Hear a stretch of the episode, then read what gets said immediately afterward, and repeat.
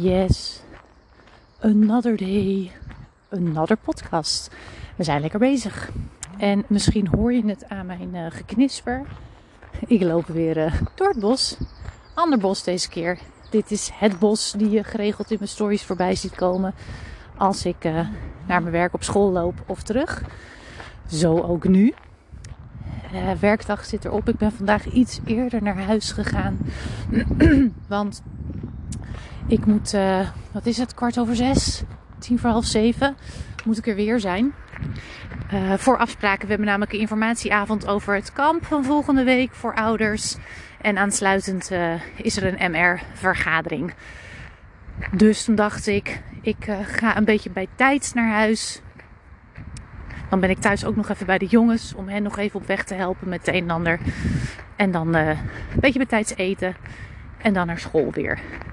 Maar weet je, twee collega's van mij die besloten op school te blijven. Eentje woont in Amsterdam, dus dat is ook dan niet te doen om dan heen en weer te gaan. Maar ik moet eerlijk zeggen, ik vind het wel fijn om dan even het gebouw uit, even naar buiten. Um, even thuis te zijn en dan straks weer terug. Maar goed, wel weer een podcast. Gisteren liep ik ook een rondje. Ging ik ook een podcast opnemen. Ik ben benieuwd of je die geluisterd hebt. Ging... Uh, nou, moet ik even, nou ben ik even helemaal de kluts kwijt. Oh ja, uh, help mijn kind wil niet op reis. Daar ging hij over. Nu wil ik het met iets, ja, over iets heel anders met je hebben. Um, tijd. En hoe relatief dat is. Ik deelde er laatst ook een bericht over op Instagram. Um, en hoe voor veel gezinnen een bepaalde heftige gebeurtenis de reden kan zijn om de knop om te zetten. Meestal is dat geen leuke reden. Een hele emotionele vaak ook. Iemand die ziek is, komt overlijden. In die lijn moet je dan denken. En vorige week, toen hadden wij de masterclass van reisonderwijs. Met een gastgezin, die, uh, of een gezin te gast moet ik eigenlijk zeggen. Die nu op dit moment op reis zijn. En heel graag hun ervaringen wilden vertellen van hun reis op dit moment, maar ook van eerdere reizen. Uh, hun dochter kwam er ook bij zitten. Die wilde ook heel graag haar ervaringen vertellen. Dus dat was echt mega waardevol. Juist ook om te horen van een kind. Maar zij vertelde, zonder verder in details te treden, dat ook voor hen de jarenlange wens om op reis te gaan er dus ook al echt heel lang was. Maar ze echt vorig jaar in hun voorbereidingen in actie zijn gekomen. Doordat er bij hun in de omgeving, uh, was, betrof geen familie, uh, het ook echt niet oké was. Echt niet goed ging. En dat dat voor hun echt een reden was om te zeggen: ja, weet je, wat als dat bij ons misschien ooit gaat spelen? Je weet het niet en je hoopt het niet. Maar dan hebben we niet gedaan wat we zo graag wilden doen. Hoe zouden we dat dan vinden? En dat was voor hun echt het moment om te zeggen: maar dan gaan we nu wel kijken hoe we het echt kunnen regelen. Nog een keer, ook al hebben we nu met leerplicht te maken, want dat was de eerste keer nog niet aan de orde. Voor onszelf was dat niet een directe aanleiding om onze reisplannen in gang te zetten. Um, ik kreeg het bij de hand terwijl we op reis waren. En ik weet dat nog echt heel goed. En oh, ik krijg helemaal kippenvel van. Ik realiseer me nu dat dat ook op de dag af, uh, vijf jaar geleden is, dat ik dat bericht kreeg. Oh, dit is echt heel bizar. Dat had ik me totaal niet gerealiseerd. Ik dacht, uh, ik ga een podcast opnemen en ik wil het over dit onderwerp hebben. En dan kan ik ook vertellen hoe dat voor ons was tijdens de reis. En ik wil je nu vertellen welke datum dat was. Dat we dat bericht kregen. En ik realiseer me ineens dat dat vandaag die datum is. 6 juni. Want dat is het vandaag. Um, nou, sorry. Ik was even afgeleid. Wij waren uh, in Vietnam aan het reizen. En ons hoogste punt, hoogtepunt, misschien ook wel letterlijk hoogste punt uh, van de reis was de Ha Giang Loop dat wij een week lang daar in de regio waren en vijf dagen, ja, vijf of zes dagen op uh, van die semi-automatische scooters hebben rondgereden. Met de jongens achterop door nou echt het meest prachtige gebied wat ik op dat moment ooit gezien had. En dat was zo fantastisch. Ik heb daar een heel uitgebreid artikel over geschreven op mijn website over de Hazangloop. Of dat te doen is om met kinderen dat te ondernemen. Ik heb van tevoren even getwijfeld of we dat wilden doen met zelfrijden met de jongens achterop. Maar zodra wij een dag uh, onderweg waren, toen wist ik al van, ah, weet je, dit is gewoon de beste beslissing ever geweest dat we dit zelf zijn gaan doen.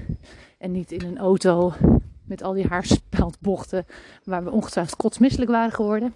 Dat er zeiden. Wij zijn dat gaan doen. Het was fantastisch. En halverwege die loop, die, die, dat is een rondje wat je rijdt. Nou ja, een rondje. Um, door dat gebied. En toen waren we in een van de hoogste, meest noordelijke uh, plaatsen in Vietnam. En wij waren toen op een pleintje. Nadat we die dag gereden hadden tot een uur of drie smiddags hadden ingecheckt bij een hotel. Daar zouden we twee nachten blijven. Om even halverwege de, de loop even een rustdag in te lassen.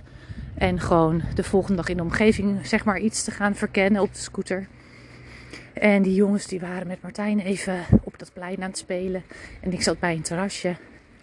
En ik kreeg, uh, misschien was het al ietsje later, een uurtje of vier, half vijf. Ik weet het niet meer, maar we natuurlijk tijdverschil.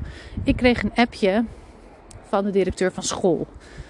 Uh, aan het team gericht. In de groepsapp. En dat, die groepsapp die wordt niet veel gebruikt. Die is eigenlijk een verzendlijst vanuit de directeur. Zodat je er niet allemaal op kan reageren. En daarin stond het bericht dat een collega van mij heel slecht, eigenlijk vernietigend nieuws had gekregen. Um, dat ze hartstikke ziek was. En dat was een paar weken voordat haar vervroegde pensioen in zou gaan. En dat ze wel een heel traject in zou gaan om te kijken of dat nog ja, mocht helpen. Maar over het algemeen wist eigenlijk iedereen met deze diagnose is die kans heel klein. Die collega was mijn ja, favoriete juf van vroeger, van de basisschool. Ik heb haar vier jaar gehad. En ik vond het heel bijzonder dat in het jaar ervoor, wat ik, voordat ik op reis ging, uh, daar op school in dienst kwam. Dus eigenlijk weer op mijn oude basisschool van vroeger. Dat ik nog een jaar met haar kon werken. Vond ik echt heel tof. Zij gaf inmiddels zelf geen les meer, maar was intern begeleider. Dus ik had indirect wel met haar te maken. En we hebben er echt nog wel nou, na schooltijd af en toe van die mooie filosofische bomen opgezet over ontwikkelingen in het onderwijs en hoe we daar tegenaan keken. Dus ik vond het heel tof dat ik dat jaar met haar op die manier mocht samenwerken. En uh, in de veronderstelling dat dat ook nog eventjes zou kunnen als ik weer terugkwam, al zat zij toen wel tegen haar pensioen aan. Toen kreeg zij dus dat bericht. En ik was toen in Noord-Vietnam.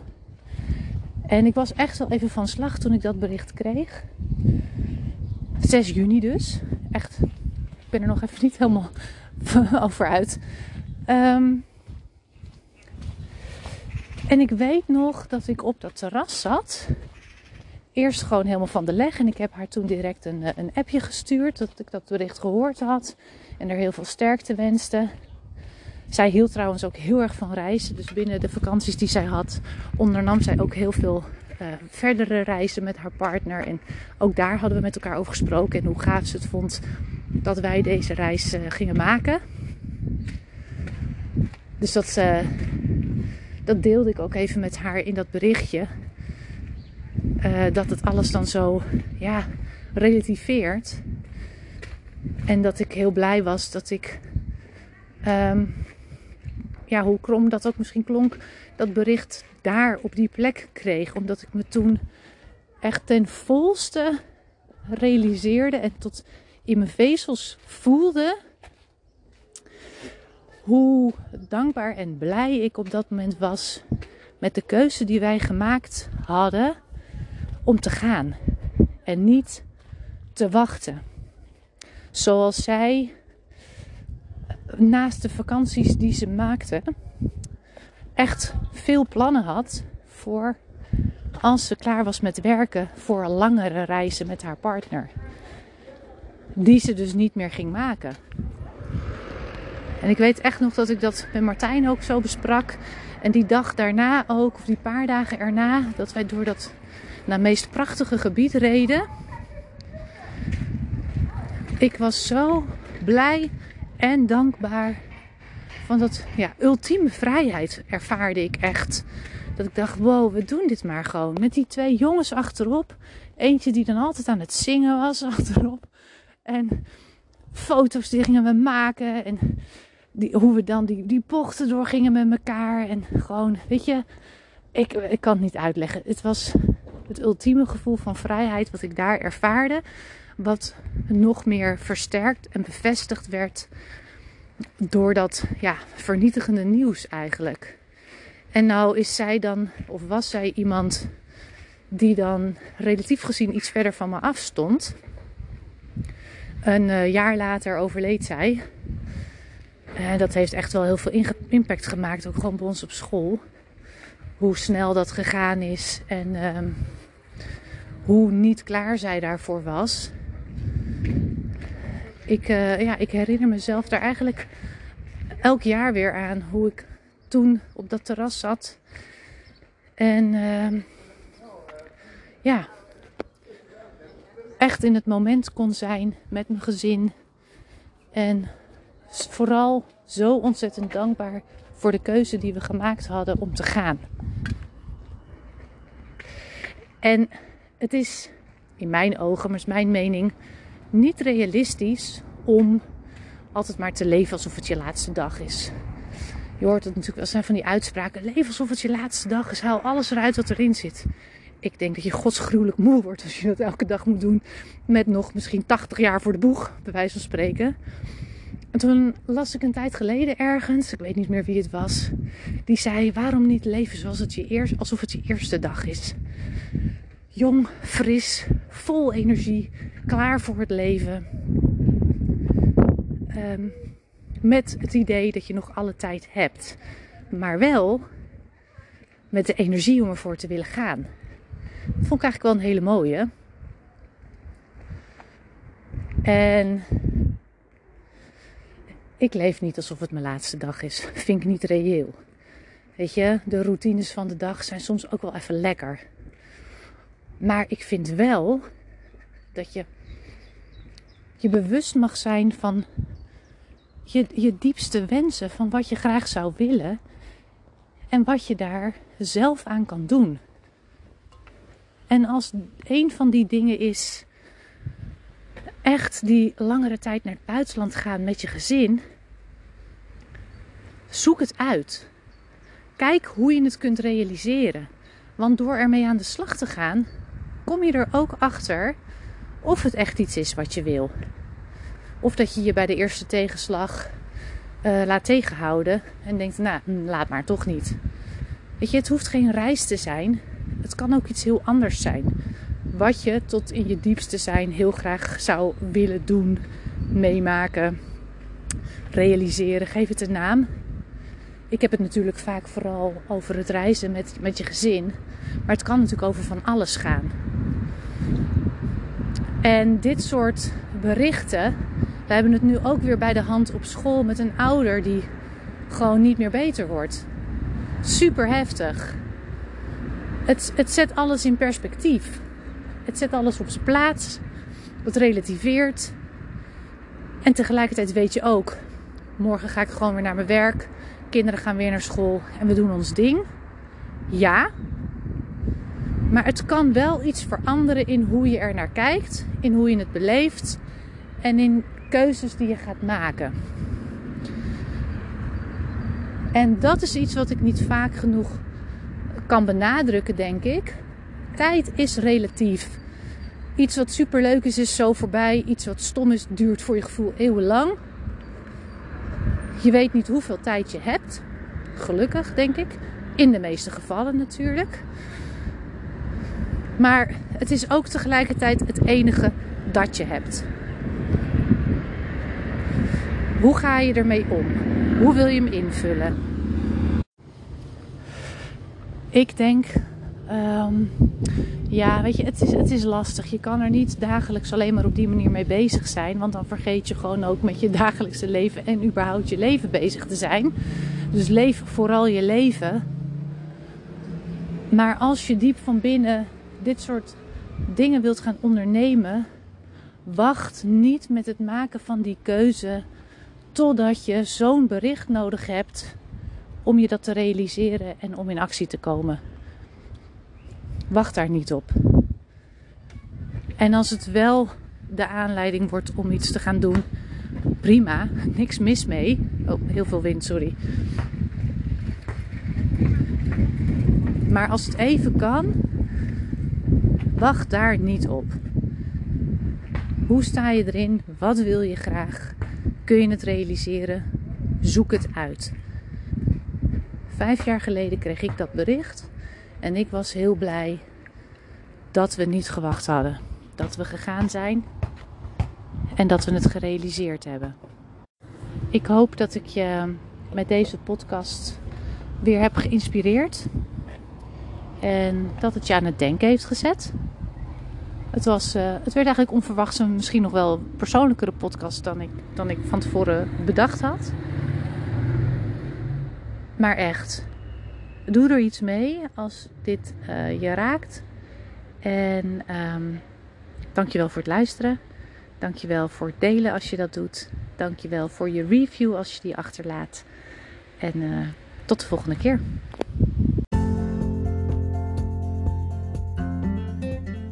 Dankjewel voor het luisteren. Ik waardeer het echt enorm dat je elke keer de moeite neemt om te luisteren naar de podcast van Traveling the Young Ones. Je maakt me nog blijer als je een review achter wil laten op Spotify, zodat nog meer mensen deze podcast weten te vinden en ik zo nog meer gezinnen kan inspireren om ook die reis te gaan maken die ze zo graag willen maken. Ik hoop dat je de volgende keer weer luistert. Nogmaals, dankjewel.